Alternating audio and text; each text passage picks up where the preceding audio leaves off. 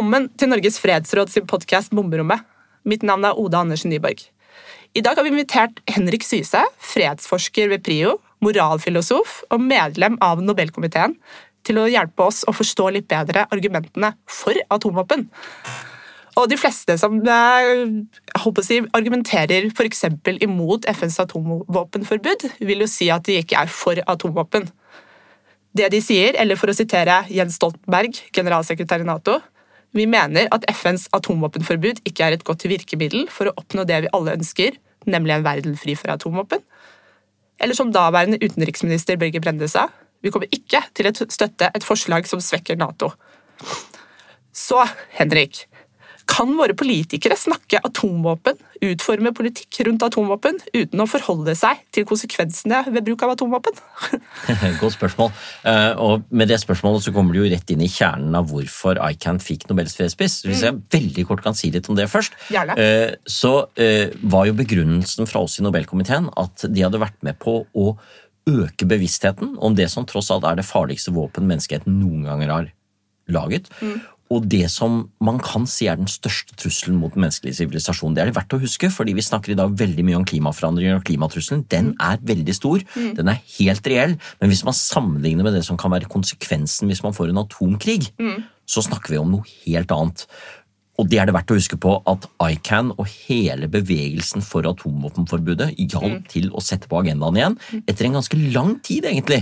Hvor jo da, det hadde vært til stede, og Obama hadde snakket om det, og alle er klar over at atomvåpen er farlig, mm. men det var akkurat som om det var ikke egentlig så viktig lenger. Og det er det som vi ønsket å henlede oppmerksomheten på, at gjennom disse initiativene, bl.a. Uh, forslaget til et traktatforbud mot atomvåpen, mm. så hadde man bidratt til å få den agendaen tilbake. Og da snakker vi om reinspikka realisme. Hva er de grunnleggende konsekvensene av bruk av atomvåpen? Så jeg har bare lyst til å si det først. Ja. Og så er ikke jeg her på vegne av Nobelkomiteen, Nei. men det er klart at som medlem av Nobelkomiteen så står jeg fast ved og lojalt støtter opp om det viktige vedtaket som ble gjort da vi ga prisen til ICAN, og det er eh, vi stolt av til denne dag. At eh, det var kanskje med på, håper vi, å bringe denne diskusjonen ytterligere frem i offentligheten. Så kan jeg ta på meg en annen hatt. Så kan jeg ta på meg hatten som analytiker og som politisk filosof. Jeg skal mm. ikke ta på meg hatten som medlem av Høyre, men jeg skal bare være filosof og analytiker i dag. Og da vil jeg selvsagt si at jo, dette er vanskelig. Og det kan godt være at det er flere veier til målet. Det innrømmet vi i Nobelkomiteen også mm. i vår uttalelse. Det er ikke sikkert at det er atomvåpenforbudet som er den mest effektive veien til å få en atomvåpenfri verden. Det er et utrolig viktig initiativ, men vi er klar over at dette er noe som tar tid. Mm. Det er noe som krever balanse, det er ikke minst noe som krever sikkerhet. Hvis det ene landet tar bort atomvåpen, så er de avhengig av å vite at det er en sikkerhet for at de andre gjør det også. Mm. Og da kan det være at de sitatene som du leste fra f.eks. Mm. Jens Stoltenberg, ja. er verdt å lytte til. Og det er vel litt av vitsen med podkasten akkurat i dag, er at vi skal se litt på hva som kan være argumentene for å ha atomvåpen, eller for å vente med en total nedrustning av dem, samtidig som man ønsker å være mot atomkrig. Mm. Og Det er verdt å ta det inn over seg. Jeg tror det ikke minst er verdt for anti-atomvåpenbevegelsen å tenke gjennom hvilke argumenter det er.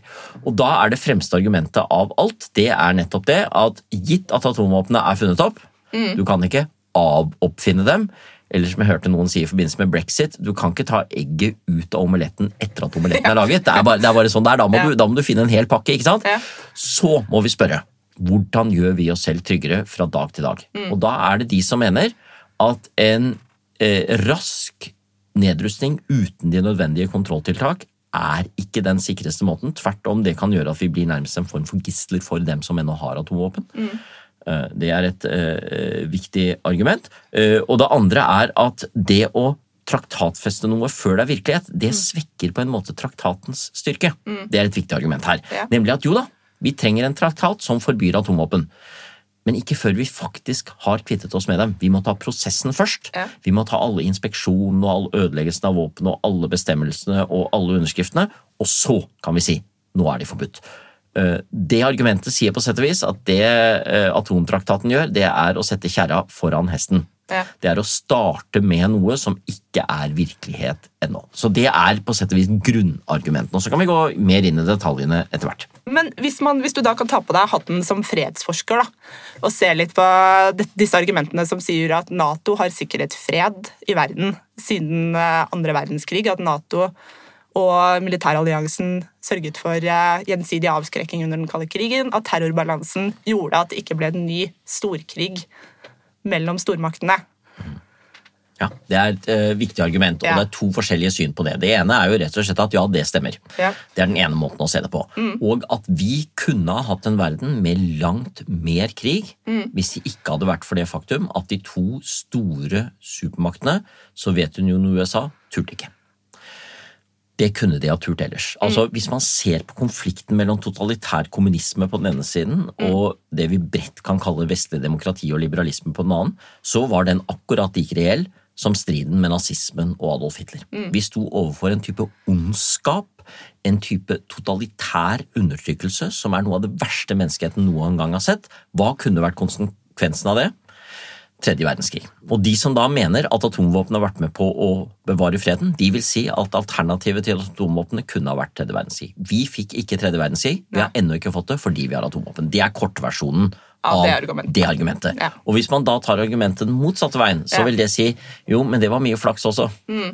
Vi var så nær en tredje verdenskrig som ville ha vært mye verre enn noe vi noensinne har sett. Mm. Og det er klart at det fremste eh, som da brukes som argument og hendelse, det er Cuba-krisen i oktober 1962. Da var verden på randen av krig i 13 dager. Mm. Du kunne like gjerne ha gått den ene som den andre veien det var mennesker på begge sider som var klare til å trykke på knappen, og som til og med mente at det ville være den riktige tingen å gjøre. Mm. Så ble vi reddet av noen politikere som faktisk tenkte seg om en gang til. Ære være John F. Kennedy og broren hans, og til og med den forhatte Robert McNamara, som ble forhatt senere fordi han var forsvarsminister og var med på å drive frem Vietnamkrigen. Men han var en av de stemmene i det rommet. Mm som sørger for at dette ikke skjedde. Men da er altså argumentet det følgende. Jo, det høres ut som om ja. atomvåpnene sikret oss mot krig. Ja. Det høres ut som om det var slik at vi fikk ikke krig fordi man ikke turte. Nei. Men vi var så nær. Ja. Og hadde det vippet litt den andre veien, så hadde vi sittet i en helt annen verden i dag. Kanskje hadde ikke du og jeg sittet der. Eh, kanskje hadde verden sett helt annerledes ut, både politisk, miljømessig og, og, og eh, du kan si generelt sosiologisk hadde vært et helt annet sted. Så det er de to argumentene som mm. står mot hverandre, og det er ikke lett å vite hvilket som er riktig. Eh, de som er tilhengere av disse argumentene på hver side, uttaler dem omtrent akkurat like sterkt. Som forsker, som fredsforsker, så vil jeg si at det er ordentlig vanskelig mm. å vite hva som er det rette argumentet. Ja, som fredsforsker er det legitimt å vise til atomvåpen eh, som eh, fredsfremmende middel.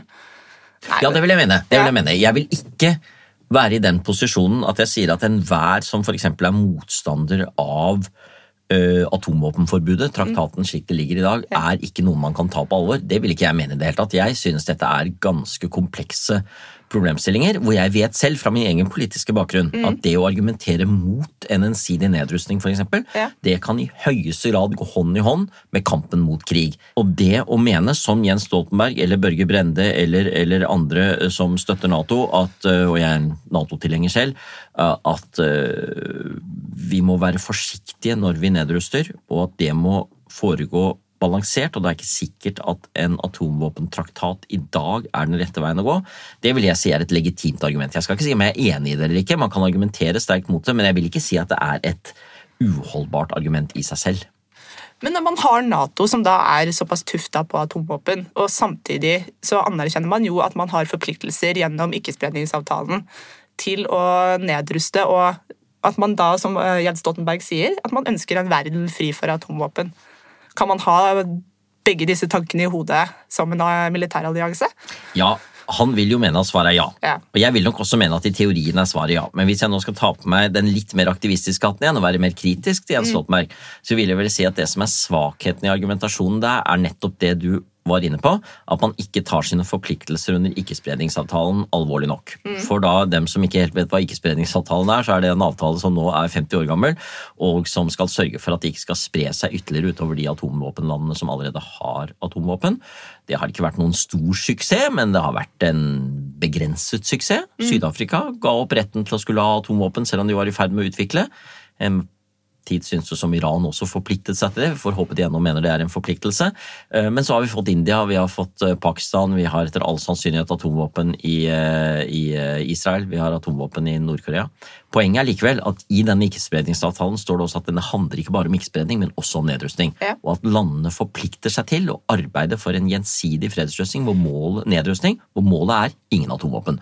Og jeg vil vel mene at mange av dem som fra Natos side i dag argumenterer mot atomvåpenforbudet, de ser ikke tydelig nok at dette traktatforslaget det går egentlig hånd i hånd med det man allerede har sagt i ikkespredningsavtalen, og at man jobber for lite for å få til den nedrustningen. At det er mye mer man kan gjøre, og at ikke minst lederne for de ledende atommaktene, og da særlig da Russland og USA og Kina, og til en viss grad Storbritannia og, og, Frankrike, de trenger å gjøre mer for å vise resten av verden at dette kan vi få til. Ja. Og så må de fortsette arbeidet for å inngå avtaler med land som kan tenke seg å utvikle det, for å få dem til å forplikte seg til ikke å gjøre det. Sånn sett så syns jeg at kanskje det tristeste Donald Trump har gjort overhodet, det var å rive i stykker JCPOA-avtalen. Jeg tror den var et, Altså Iran-avtalen. Ja, Iran-avtalen. Jeg tror den var et veldig viktig dokument. Um, så uh, du kan si det slik at det man kan anklage Nato for, er at man ikke i tilstrekkelig grad tar på alvor og arbeider mer for forpliktelser som man faktisk har inngått. Men så skal følgende føyes til. Det sies ofte at Nato har atomvåpen, men det er ikke sant. Det er tre land innenfor Nato som har atomvåpen.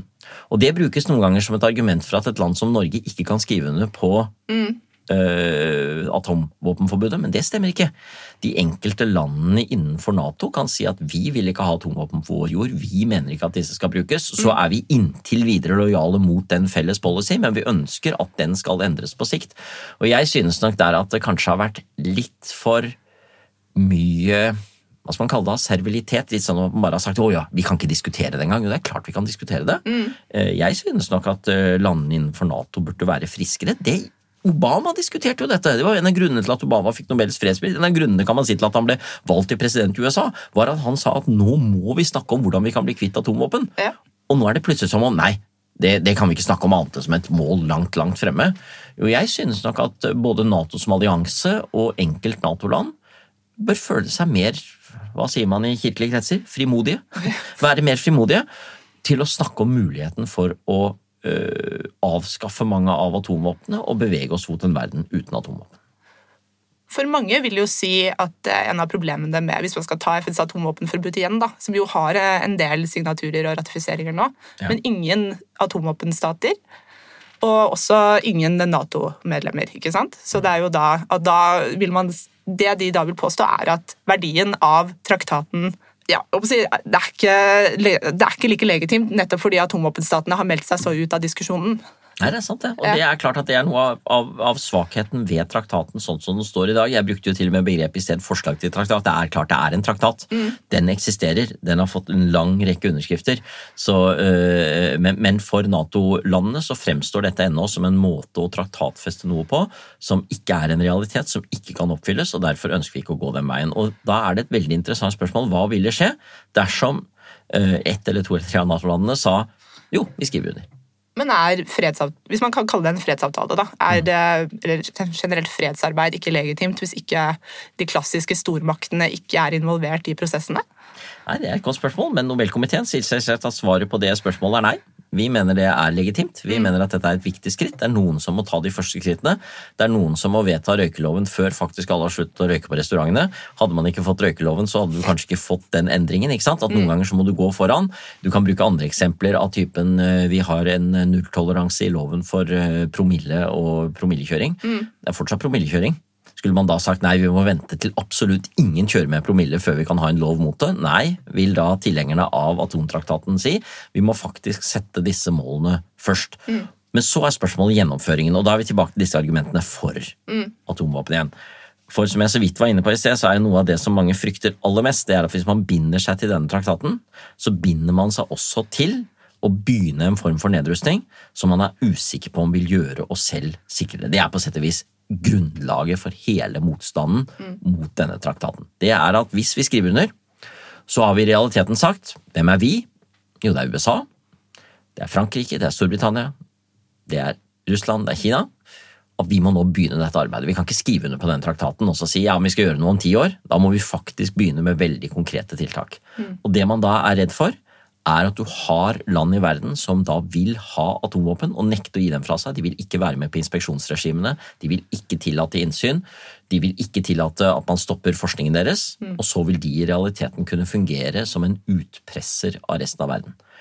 Hvis man tar det verste skrekkscenarioet ifølge dette argumentet, jeg sier ikke at jeg støtter det argumentet, men ifølge det argumentet, så er på sett og vis det verste skrekkscenarioet at man har en verden uten atomvåpen, og så viser det seg plutselig at Nord-Korea har disse atomvåpnene fortsatt. Eller det kan være andre land kan være et Iran. Jeg tror ikke Iran egentlig ønsker å ha disse våpnene. Jeg tror de ønsker bare utviklingen av forskningen som et pressmiddel. Men man kunne tenke seg at du fikk enda mer eh, såkalt konservativt lederskap i Iran som faktisk ønsker å utvikle disse atomvåpnene. Kan skje. Og en verden hvor eh, Nord-Korea og Iran har atomvåpen og ingen andre, ville man da mene er en utryggere verden enn det vi har i dag. Eh, og jeg har snakket med andre, og jeg var i i eh, USA for ikke så lenge siden og snakket med en av eh, de ledende atomvåpenforhandlerne fra 1970-tallet, som forhandlet under Jimmy Carter om de store atomvåpenavtalene den gangen. Han er nå professor på UCLA. Eh, og han sa til meg at han mente oppriktig at hvis man fjernet alle atomvåpen i dag, så ville sjansen bli mye større for en konvensjonell krig. Mm. Da ville f.eks. en som Putin, med langt større sannsynlighet tørre å bevege seg lenger i bruk av konvensjonelle våpen, fordi han visste at han ikke ville risikere å bli angrepet tilbake med atomvåpen. Og Dette er altså en uh, tidligere demokrat og en uh, sterk fredstilhenger mm. som sier at han mener at den farligste type verden i dag, det er en verden der vi tror vi er kvitt atomvåpen. Så er vi det kanskje ikke allikevel fordi noen få har det, og der trusselen om bruk av atomvåpen blir borte mellom stormaktene. Så eh, det argumentet er der ute. Det er det, altså. Ja.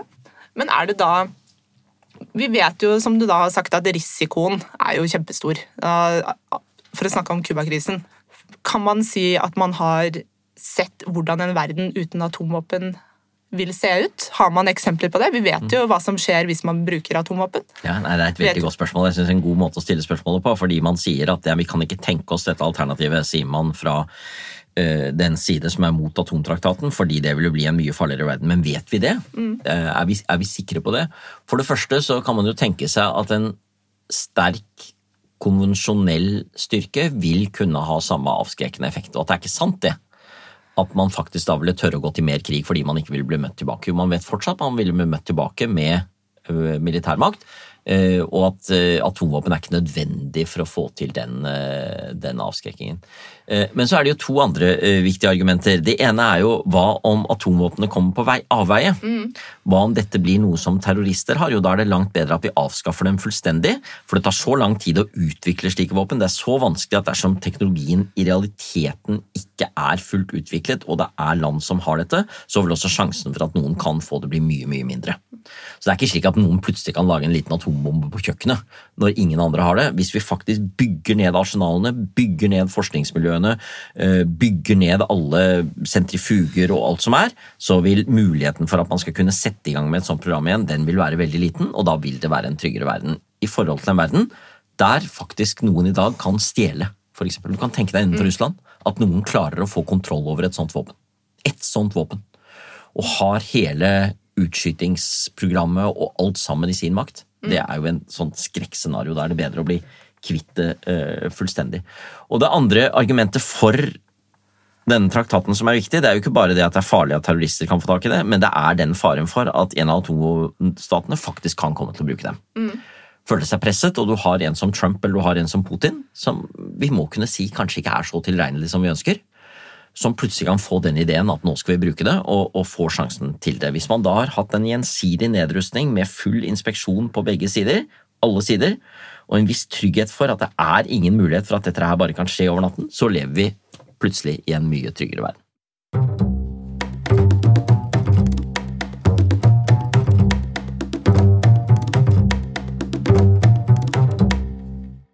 Så Henrik, for å ta på deg, gå tilbake til moralfilosofhatten. da. Er det moralsk riktig å true med noe som er grunnleggende umoralskt? Det er også et utrolig komplekst spørsmål, for du kan se på det fra to sider. Mm. hvis jeg skal bruke filosofispråk, så kan du se på det fra det vi kaller pliktetisk ståsted. Det er noen ting man bare ikke gjør fordi det er galt. ikke sant? Du skal ikke drepe. Du skal ikke stjele. Og så vil noen si at ja, det kan finnes noen unntak, men likevel så vil vi jo si at denne type regler de er veldig viktige, fordi de er noe av grunnlaget for at vi skal kunne leve i et sivilisert samfunn og leve sammen overhodet. Og da kan man si at fra et sånt pliktetisk ståsted så vil det å true med noe som det er grunnleggende umoralsk å gjøre, det vil være en form for brudd på en sånn pliktetikk, både fordi det er med på å sannsynliggjøre at det faktisk kan skje, ikke sant? og de kan gi andre ideen om at det er i orden å gjøre det. Det bygger ned på en måte motstanden mot å gjøre sånt. Og så er det som om jeg sier til barna mine at hvis du nå ikke rydder på rommet ditt, så tar jeg livet av deg. Det tar rett og slett livet av deg. Og så vil folk si du kan ikke si sånt nå. Så sier jeg men det er effektivt. Det er effektivt, jo. Ja. De rydder jo hver dag. De er jo livredde for at jeg skal til livet av dem. Jeg kan for øvrig love at sånn er det ikke hjemme hos oss, men tenk om det hadde vært det. Og så kan man si ja, men konsekvensene er jo så gode. Da vil man kunne svare tilbake fra et sånn pliktetisk ståsted at det holder ikke, for det er faktisk galt i seg selv. Men da har vi jo nettopp denne alternative skolen som vi kaller konsekvensetikk. Og den vil jo si at ja, men hvis konsekvensene er gode, og faktisk alternativet til de konsekvensene er helt redselsfulle, så vil det være riktig å gjøre. Og Hvis det da er sant at den eneste måten i verden jeg kan oppnå noe på, er gjennom å true om, med å gjøre noe som er umoralsk, da har jeg kanskje ikke noe valg. Hvis den absolutt eneste måten jeg kan unngå atomkrig i verden på, eller storkrig på, er ved å si at hvis dere gjør det, så bruker vi atomvåpen mot dere, så kanskje jeg er tvunget til å gjøre det. Og noen ganger så føler jo vi mennesker at vi er tvunget til å gjøre ting som er gale, fordi alternativet er enda verre. Hvis vi skal ta noe veldig hverdagslig. Noen ganger kan vi føle oss presset til å lyve. Selv om vi mener det er galt å lyve, så gjør vi det, for vi mener at konsekvensene av å skulle fortelle den hele og fulle sannheten i denne situasjonen er for ille. Og det er jo litt av spørsmålet vi stiller oss her i forbindelse med atomvåpen. Er det noen ganger riktig å gjøre dette, nemlig å true med noe som er umoralsk, for å oppnå noe som er et større gode? Det jeg vil svare hvis jeg skal forsøke meg på en konklusjon, er at det er veldig problematisk. Fordi det vi gjør når vi truer med noe sånt, nå er å åpne oss for å gjøre det. For at trusselen skal være troverdig, så må vi faktisk forberede oss på den. Så vil man svare den andre veien. Ja, men trusselen trenger ikke være helt troverdig, så den, lenge den annen part ser at det er en ørliten sjanse for at den er sann. Mm. Bare, de, bare de ser at det er en ørliten sjanse for at trusselen kan virkeliggjøres, holder det. Trenger ikke være garantert. Eh, Du trenger ikke engang ha våpenet, du kan bare si at det er mulig jeg har det. Du vet jo ikke. Men sånn som verden er i dag, så viser det seg at det er jo ikke sånn det er. For at en atomtrussel i dag skal være effektiv og reell, så må du faktisk ha våpnene, og du må ha dem på ready alert. Og det er der faren ligger. Da er faren også mye større for at vi faktisk ender opp med å bruke det. Ja, og så er det jo en eh, tanke at eh, det må være litt tillit til at det ikke skal, de ikke skal bli brukt, men også at de kan bli brukt. Men eh, det er jo Vi så jo Tyrkias eh, president si nå i eh, fjor sommer, var det vel, at hvorfor skal USA og Russland kunne ha atomvåpen og ikke vi? Og det er jo på sett og vis et legitimt spørsmål. Hvorfor er det noen som kan ha det, og stå med pekefingeren på andre land og si dere kan ikke ha det? Hvor er, altså, hvorfor er det noen som er Ja. tillitsvekkende nok Ja. til å ha det, og ikke andre? Ikke sant? Jeg tror akkurat det du er inne på der, på sett og vis er det viktigste argumentet i dag for nedrustning, utover det selvsagt aller mest grunnleggende, det humanitære argumentet at skulle det skje, så er det så forferdelig ille at dette kan vi ikke tenke oss. Men det andre argumentet er nettopp det at med dagens politikk så har vi ikke sterke nok argumenter mot spredning. Nei. Og jeg vil vel si, hvis jeg hadde nå Jens Stoltenberg i studio her nå, sammen med representanter for uh, Velkommen USA skal du være, Jens. Ja, ikke Ja. sant? Hei, Jens. Han er jo en fin kar, da. Eh, og, og vi hadde med oss representanter for en del andre uh, atomstater i, eller en del atomstater snarere, i dette rommet. Så vil jeg si til dem at ok, jeg aksepterer at dere mener at dere ikke kan godta eller anbefale FNs atomvåpentraktat i dag. Men jeg vil mene at dere må sette dere ned sammen og si hvordan kan vi foreta en effektiv form for nedrustning som reduserer atomvåpenarsenalene, som arbeider med land som kan tenke seg å utvikle atomvåpen for å sikre oss avtaler der det er god nok inspeksjon og også gode nok insentiver for dem til ikke å gjøre det. Og så skal dere vise oss år for år hvordan det leder oss til, og så sett et år, da. 2035. At i det året der så er verden enten fri fra atomvåpen, eller så å si fri fra atomvåpen. Begynn på den veien nå. Man må begynne et eller annet sted. Det holder ikke liksom å si at ja, ja, vi skal gjøre det en gang i fremtiden. Jo, du skal gjøre det en gang i fremtiden, så må du begynne. Det akkurat samme med klima. Eller du kan ta et hvilket som helst annet mål. Nå er det nyttår og nyttårsforsetter. Ja, vi skal få det helt ryddig i huset og ha ryddet i eh, garasjen før eh, 30. juni.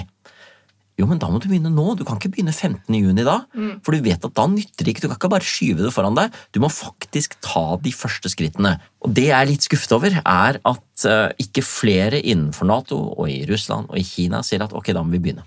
Da må vi faktisk begynne, og det er ganske mye vi kan gjøre rent fysisk.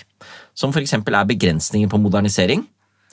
eh, Begrensninger av antall våpen. Faktisk at man begynner å ødelegge mange av våpnene, slik man gjorde på begynnelsen av 1990-tallet. ikke sant?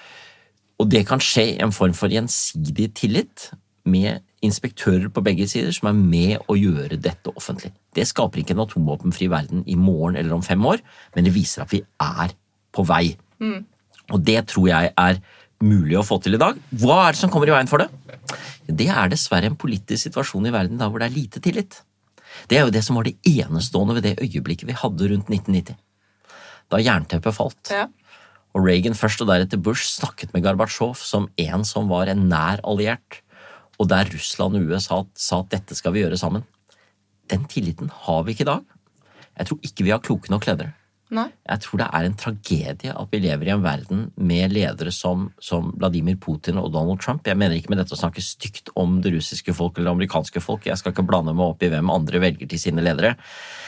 Men jeg tror at den type ledere er ikke tillitbyggende. Vi trenger mennesker som sier 'nå skal vi jobbe sammen'.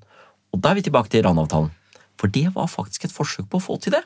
Det var faktisk et forsøk på å få mennesker fra forskjellige nasjoner med veldig forskjellige interesser og mye krangel til å si ja, men dette må vi arbeide sammen om. Og de klarte det! Ja. Det er det vi må gjøre.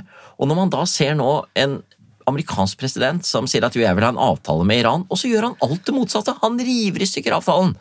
Han eh, driver en type press som vi kanskje kan si ja, ja, Iran har gjort så mye gærent, så de fortjener det, men som er med på å rive ned all den tilliten. Hvis du tenker deg en moderat iransk politiker i dag som ønsker internasjonalt samarbeid, som ønsker å begrense sitt eget lands atomprogram, de er helt spilt utover sidelinjen.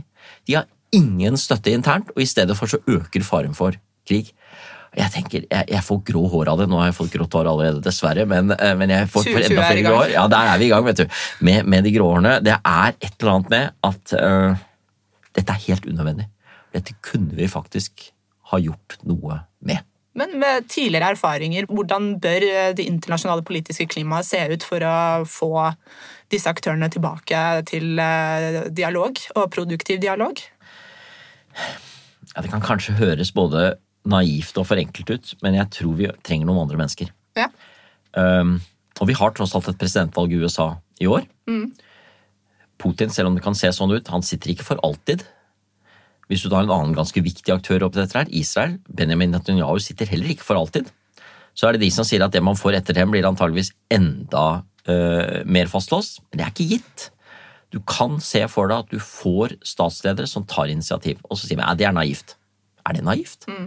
Vi fikk faktisk slutt på apartheid gjennom det Nelson Mandela og Fredrik de Klerk gjorde, og kanskje enda viktigere som eksempel, vi fikk faktisk slutt på den kalde krigen. Det Mikhail Gorbatsjov representerte, det Ronald Reagan faktisk klarte å respondere med, det er jo et eksempel på at det er fullt mulig å få til denne type endring. Og da kan vi se dette i sammenheng med en annen stor krise vi står overfor, og som vi var så vidt inne på i sted, klima. I en litt bedre verden så kan man tenke seg at lederne av store land som Kina og Russland og USA sier at dette her må vi løse sammen. Og vi var jo kommet langt på vei med Parisavtalen, inntil Trump da i, i sin eh, naivitet og style skulle rive i stykker USAs deltakelse i den også. Men vi viser at vi kan komme et skritt på veien. Hvis vi klarer å komme oss tilbake på det sporet, så kan man si at parallelt med dette så trenger vi også en form for nedrustning som alle partene går sammen om, for alternativet er for farlig. Og da kan man ta inn over seg det vi snakket om på begynnelsen av sendingen. Argumentene for atomvåpen. Ja. Nemlig at det er tross alt tryggere at man har noen av dem. Vel, da kan disse partene gjensidig sjekke hverandre, kontrollere hverandre, dele teknologi. Det var der vi var på vei på 1990-tallet. Å bygge gradvis ned disse arsenalene til vi kommer til null, eller i hvert fall veldig nær null. Så er det noen vanskelige kort i dette. India, Pakistan, Nord-Korea. Men jeg tror at man kan opprettholde en form for um, effektiv trussel mot slike lands utvikling av atomvåpen, hvis de først frasier seg dem og så begynner de å bygge dem igjen, gjennom internasjonal politikk og diplomati og, og, og trusselen om bruk av konvensjonelle våpen, som gjør at jeg tror det er mulig å komme til en verden der også de vil frasi seg sine, sine atomvåpen permanent. Så jeg tror det er mulig. Men spilles uh, internasjonale institusjoner og nedrustningsavtaler litt uh, på sidelinjen, da, hvis man har ledere som ikke Ja, det er det som er litt av, av, av problemet. Mm. At nettopp alt dette møysommelige internasjonale arbeidet vi har gjort, settes på sett og vis til side. Mm. Fordi de sier at ja, men jeg skal make America great again, og jeg skal manifestere Russlands makt i verden, og da blir det viktigere mm. enn at man binder seg. Og jeg er jo blant dem som i min uh, ja, noen vil si naivitet, jeg vil si idealisme, tror intenst på internasjonalt samarbeid. Ja. Jeg tror vi trenger internasjonale institusjoner som kan samarbeide med andre internasjonale institusjoner, og hvor suverene stater faktisk gir fra seg noe av suverenitet fordi vi er nødt til å arbeide sammen. Jeg tror vi trenger det i Europa, jeg, trenger, tror vi trenger det på de andre kontinentene, og jeg tror vi trenger det globalt. Så skal selvsagt den type institusjoner også kontrolleres, mm. og skal ikke være naive og tro at da løser alt seg.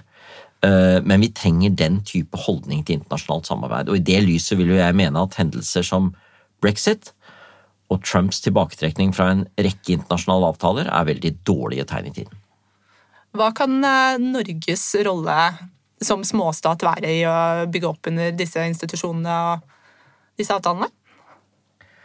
Jeg håper jo vi kan spille en konstruktiv rolle ved hele tiden å insistere på at vi som et lite land er faktisk helt avhengig av disse avtalene. Mm og minne USA om, ikke minst, at husk, vi er ikke nødvendigvis av den oppfatning at det er Amerika som er verdens sentrum. Vi ønsker en balanse i verden hvor også de små statenes sikkerhet må tas på alvor, eh, og at den sikres best gjennom et lavere konfliktnivå og gjennom internasjonalt samarbeid.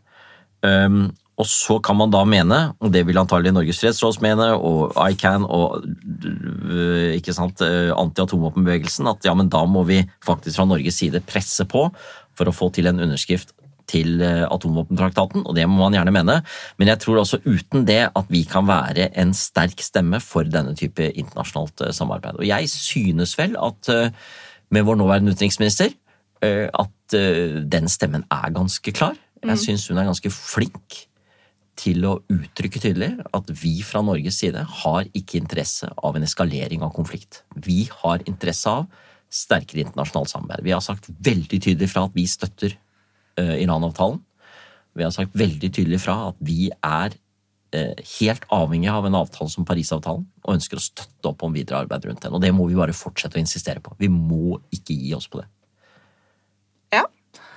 Vi eh, i Norges fredsråd vil jo veldig gjerne at uh, dagens regjering skal gjøre mer for nedrustning i verden. Men uh, du sier det jo veldig greit, egentlig. Men sånn over til noe litt annet. Vi vet jo at det brukes veldig mye penger på å modernisere atomvåpen. Og modernisere disse mellomdistansemissilene som skal bære stridshodene. Kan man si at det er noe forskjell på atomvåpens militærstrategiske nytteverdi i dag versus f.eks. under den kalde krigen? -hmm.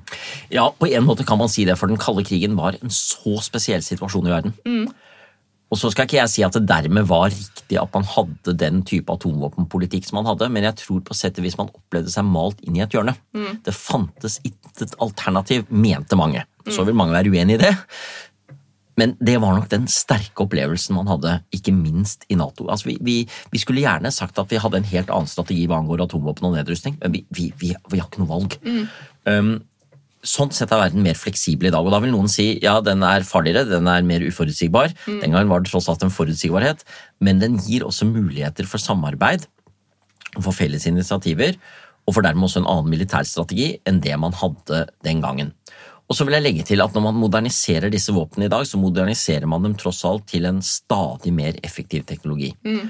Og Det gjør jo at de atomvåpnene man utvikler i dag, blir mer og mer effektive og farligere og farligere. For terskelen for bruk svekkes? Ja, og Hvis da terskelen for bruk skulle svekkes, det vil være uenighet om, svekker mm. vi den faktisk, men hvis man faktisk mener at sjansen er til stede for at det blir brukt, og det kan være av flere grunner, ikke minst hvis man har uforutsigbare ledere, så vil faren også for de virkelig katastrofale scenarioene rent humanitært og økologisk i høyeste grad være til stede.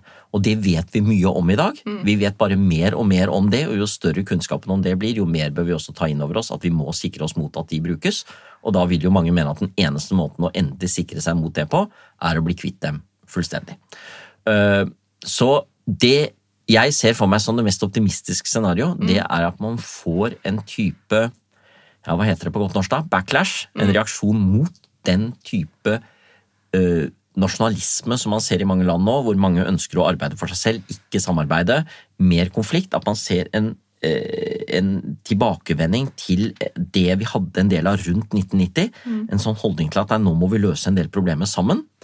Eh, og hvor man faktisk da får også nedrustningen inn på et spor som oppleves som et felles prosjekt, kan du si. Et felles prosjekt for, for menneskeheten. Eh, og jeg vil jo tro at muligheten er til stede, for hvis vi skal ta et veldig sånn grunnleggende økonomisk argument, så er det klart at disse atomvåpnene koster også veldig mye penger. Og det er en enorm ressursallokering som må til for faktisk å gjøre dette her. Og det er klart at vi vil være i flere av disse landenes interesse og ikke måtte drive med oppdatering og utvikling av disse våpnene. Selv om du har en industri, dessverre, Ja. Som avhengig av det. Det var jo Eisenhowers berømte advarsel da han gikk av som president i 1961. Hans siste tale. Som altså var- advare mot, eh, advarsel mot the military industrial complex. At vi politikere står i fare for å bli diktert av en allianse av øh, forretningsfolk og militære som i fellesskap ønsker å utvikle flere våpen og som faktisk tjener masse penger på å utvikle flere våpen. Og Da trenger man politikere som klarer å stå imot det. Men hvis man ser det i et totalt samfunnsøkonomisk perspektiv, så er det klart at det å kunne bruke mindre penger på enormt dyre våpen, det er klart at det vil være en frigjøring av ressurser for våre samfunn. Tror du som fredsforsker at vi vil se at atomvåpen vil bli brukt bevisst i vår levetid? Jeg håper inderlig ikke jeg er 53 år nå, og jeg har planer om å bli 96. Ja, Hvorfor Kanskje 97? Nei, jeg vet ikke. jeg Bare, jeg husker da barna var små, så spurte meg hvor gammel skal du bli, pappa? Og så sa jeg det vet jeg jo ikke, men kanskje dere finner meg i Nordmarka på en skitur når jeg er 97 år gammel med et smil om munnen. Det er liksom uh, drømmescenariet, ikke sant? At man er i kjempeform, og så plutselig stopper hjertet. Uh, anyway, hvis vi sier at jeg optimistisk har, har eh, 40 år igjen, så vil jeg håpe at innenfor de 40 årene så har man ikke sett atomvåpen bli brukt. Um, jeg tror tross alt sjansen er langt større for at de ikke blir brukt, enn at de blir brukt. tross alt. Og at man også ser at vi er på vei mot en form for nedrustning. Uh, jeg tror ikke om 40 år at vi har en helt atomvåpenfri verden. Nei. Uh, jeg er redd for det, jeg skulle ønske det. Jeg er redd for at vi ikke ser det, men jeg vil håpe at vi er på vei mot at det er en langt større enighet om at dette er noe vi rett og slett ikke kan leve med. Det er noe helt absurd, det er noe helt grotesk med å leve i en verden hvor vi i løpet av noen sekunder kan utrydde den. Så, og så håper jeg, som jeg var inne på i sted, at en del av klimakampen kan gå hånd i hånd med kampen mot atomvåpen. Og kanskje det siste jeg vil håpe, det er at dette er noe som vil forene politikere. Dette er, altså Du vil alltid ha noen ekstreme på alle sider, eller på begge sider. Men jeg håper at dette er noe som hoveddelen av politikere vil gå sammen om og si at dette her må være vårt felles prosjekt. Og Sånn sett så vil jeg igjen få lov til å fremheve Ronald Reagan, for jeg tror ikke han var noen som vi i Norge generelt var veldig begeistret for, fordi den type økonomisk politikk han sto for i USA ble regnet for ganske langt ut på det man kaller høyresiden i USA, som er enda lenger ut på høyresiden her, eh, og, og som også mange som tilhører den moderate høyresiden i Norge er, er skeptisk til. Men på dette punktet så var jo Reagan faktisk en visjonær politiker. Og han uttrykte mange av de tingene som anti-atomvåpenbevegelsen uttrykte, bare på sett og vis enda tydeligere. Til og med før Gorbatsjov kom til makten, så sa jo Reagan at hans ambisjon var en verden hvor atomvåpen ikke har noen kraft i det hele tatt. Det synes jeg var interessant. Jeg holdt bankettalen for ICAN i på Grand Hotel da vi hadde den store banketten. Fantastiske mennesker å være sammen med. Beatrice Finn og, og Setsuko Thurlow og de andre. Og da valgte jeg å sitere Ronald Reagan i 1984. Hans ambisjoner for en atomvåpenfri verden. Tenk en sånn verden, da, hvor man på tvers av politiske skillelinjer kan si dette ønsker vi å jobbe sammen for. Det har jeg et visst håp om at vi kan klare innenfor min levetid. Så er din levetid lenger, eh, Oda, så jeg håper jo at kanskje du kan si at innen vi sier takk for oss eh, her i verden, så, Ja. så kanskje vi lever i en verden uten atomvåpen. Ja, Gud, vi krysser fingrene for det. Tusen takk for at du kunne komme, Henrik. Takk for takk for en veldig interessant samtale. Det er masse Likeså. å tenke på. Likeså. Tusen takk.